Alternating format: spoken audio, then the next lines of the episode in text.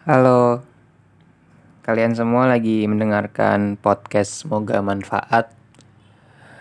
Sama gue Faisal yang udah lama banget gak bikin podcast.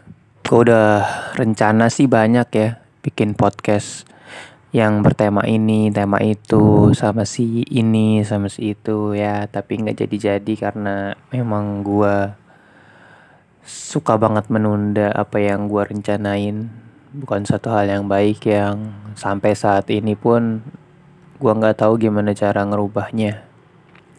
Tapi di 2022 ini di seminggu pertama ini gue ngerekam ini pagi-pagi sehabis mandi gue bertekad berniat untuk menceritakan seminggu demi seminggu hidup gue selama setahun ke depan jadi apa aja yang gue alami di 2022 bakal gue ceritain di sini weekly per minggu.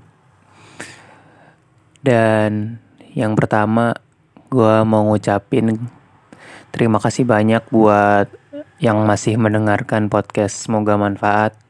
Setiap hari gue ngecek selalu bertambah jumlah pendengarnya, jumlah listenernya, gue nggak ngerti kenapa padahal nggak pernah ada episode baru tapi selalu ada yang mendengarkan mungkin episode-episode lama. Terima kasih banyak sampai saat ini masih mendengarkan. Siapa pun kalian di luar sana siapa pun kamu terima kasih. Semoga episode ini bisa kamu dengarkan. Lalu di awal tahun ini gue mengalami hal yang nggak biasa membuka tahun dengan tidak enak badan. Uh, eh, gue demam bisa dibilang. Nggak tahu kenapa dari tanggal 31 pagi bangun tidur badan udah nggak enak, udah rasa pegal-pegal, tenggorokan sakit, sampai berlanjut ke hari pertama di tahun baru dan karena gue memutuskan gak ikut liburan keluarga, gue jaga warung gue sendirian, mencoba untuk merasakan gimana rasanya mencari uang sendirian, menjaga warung sendirian dan feels good. Rasanya menyenangkan, walaupun badan lagi nggak enak. Uh, jadi tahu capeknya gimana orang tua, biar bisa lebih menghargai lagi apa yang sudah diberikan dan dikerjakan oleh orang tua selama ini. Lalu di awal tahun juga gue mencoba untuk lebih rajin dalam hal apa pun, mulai dari mandi, makan teratur, gosok gigi, lalu mencatat atau mengingat apa yang gue kerjakan di hari-hari itu supaya bisa gue ceritain di sini juga di awal yang baru ini di 2022 gue mencoba untuk membuat sedikit target yaitu membaca paling tidak satu buku seminggu biar dalam setahun gue bisa dapat 50-an buku lah paling tidak se dalam setahun.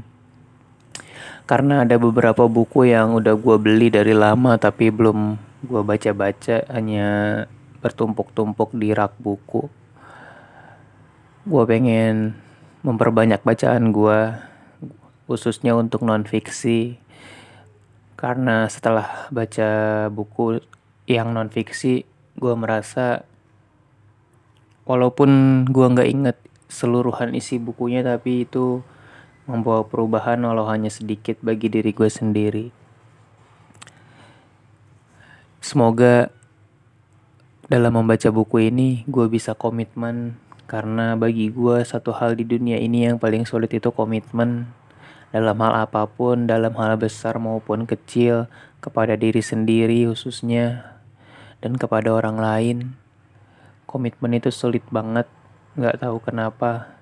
Kayak sesederhana lu komitmen buat gak makan indomie selama sebulan aja itu sulit gitu kadang cuma bertahan seminggu habis itu lu nyerah gitu kan dengan uh, komitmen yang udah lu buat sendiri. Entah kenapa gitu ya, sampai saat ini pun gak ada hal yang benar-benar bisa konsisten gue lakukan. Hal kecil maupun hal besar. Selalu aja gue langgar hal-hal itu gitu. Dan kadang malah gue merasa gak bersalah sudah melanggar hal tersebut gitu. Lalu hal-hal yang baru ini juga gue sadari kayaknya gue kehilangan kepercayaan diri ya. Entah kenapa gitu, kayaknya merosot banget kepercayaan diri gue. Gue ngerasa kayak gue gak bisa ngelakuin apa-apa gitu. Entah apa yang bisa gue lakuin dengan mahir, dengan profesional gitu. Kayaknya semuanya serba nanggung. Semuanya serba di bawah rata-rata gitu. Sekarang pun gue merasa kurang percaya diri banget gitu. Khususnya di hal berbicara gitu. Kadang gue ngerasa gue salah gak sih ngomong kayak gitu atau aneh banget gak sih gue ngomong kayak gitu gitu. Kan gue sekarang masih menjadi asisten dosen ya. Kadang kalau lagi zoom meeting gitu atau di kelas suka berbelit-belit atau belibet kalau lagi ngomong dan ngerasa malu aja gitu kalau lagi belibet ngomong. Dan kalau lagi menyampaikan opini atau argumen pun kadang nggak to the point gitu. Kadang muter dulu ke mana nggak bisa langsung ke intinya. Padahal dulu nggak kayak gitu gitu. Padahal dulu bisa cukup percaya diri. Dan tak kenapa sekarang makin ke sini malah kurang percaya dirinya.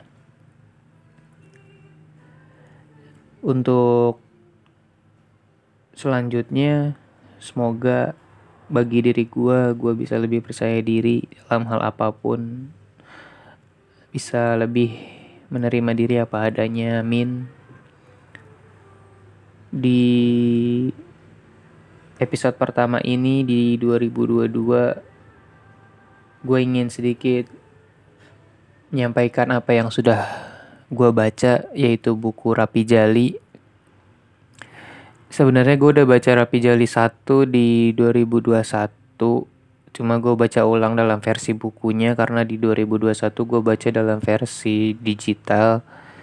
Dan menurut gue Rapi Jali 1 dan Rapi Jali 2 yang baru selesai semalam gue baca itu cerita paling epic, paling indah, paling menyentuh yang pernah gue baca gimana ceritanya seorang Dewi Lestari bisa membolak-balikan perasaan pembacanya gitu.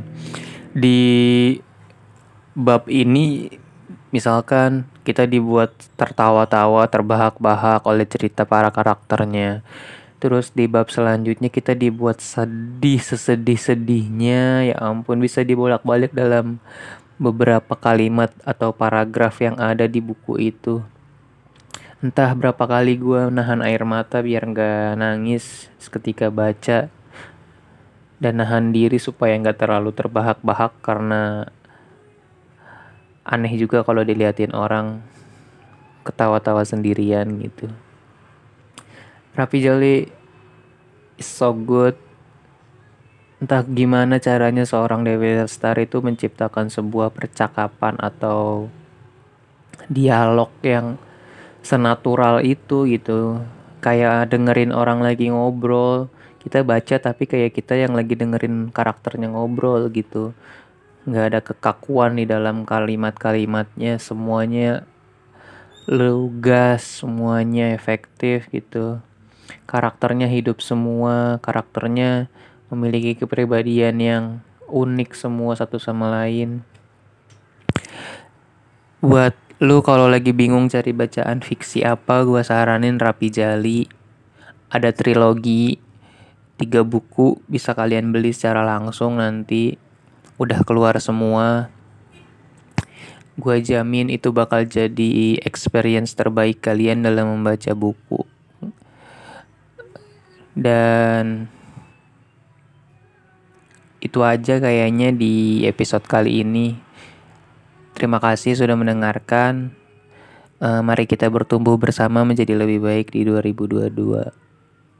Terima kasih.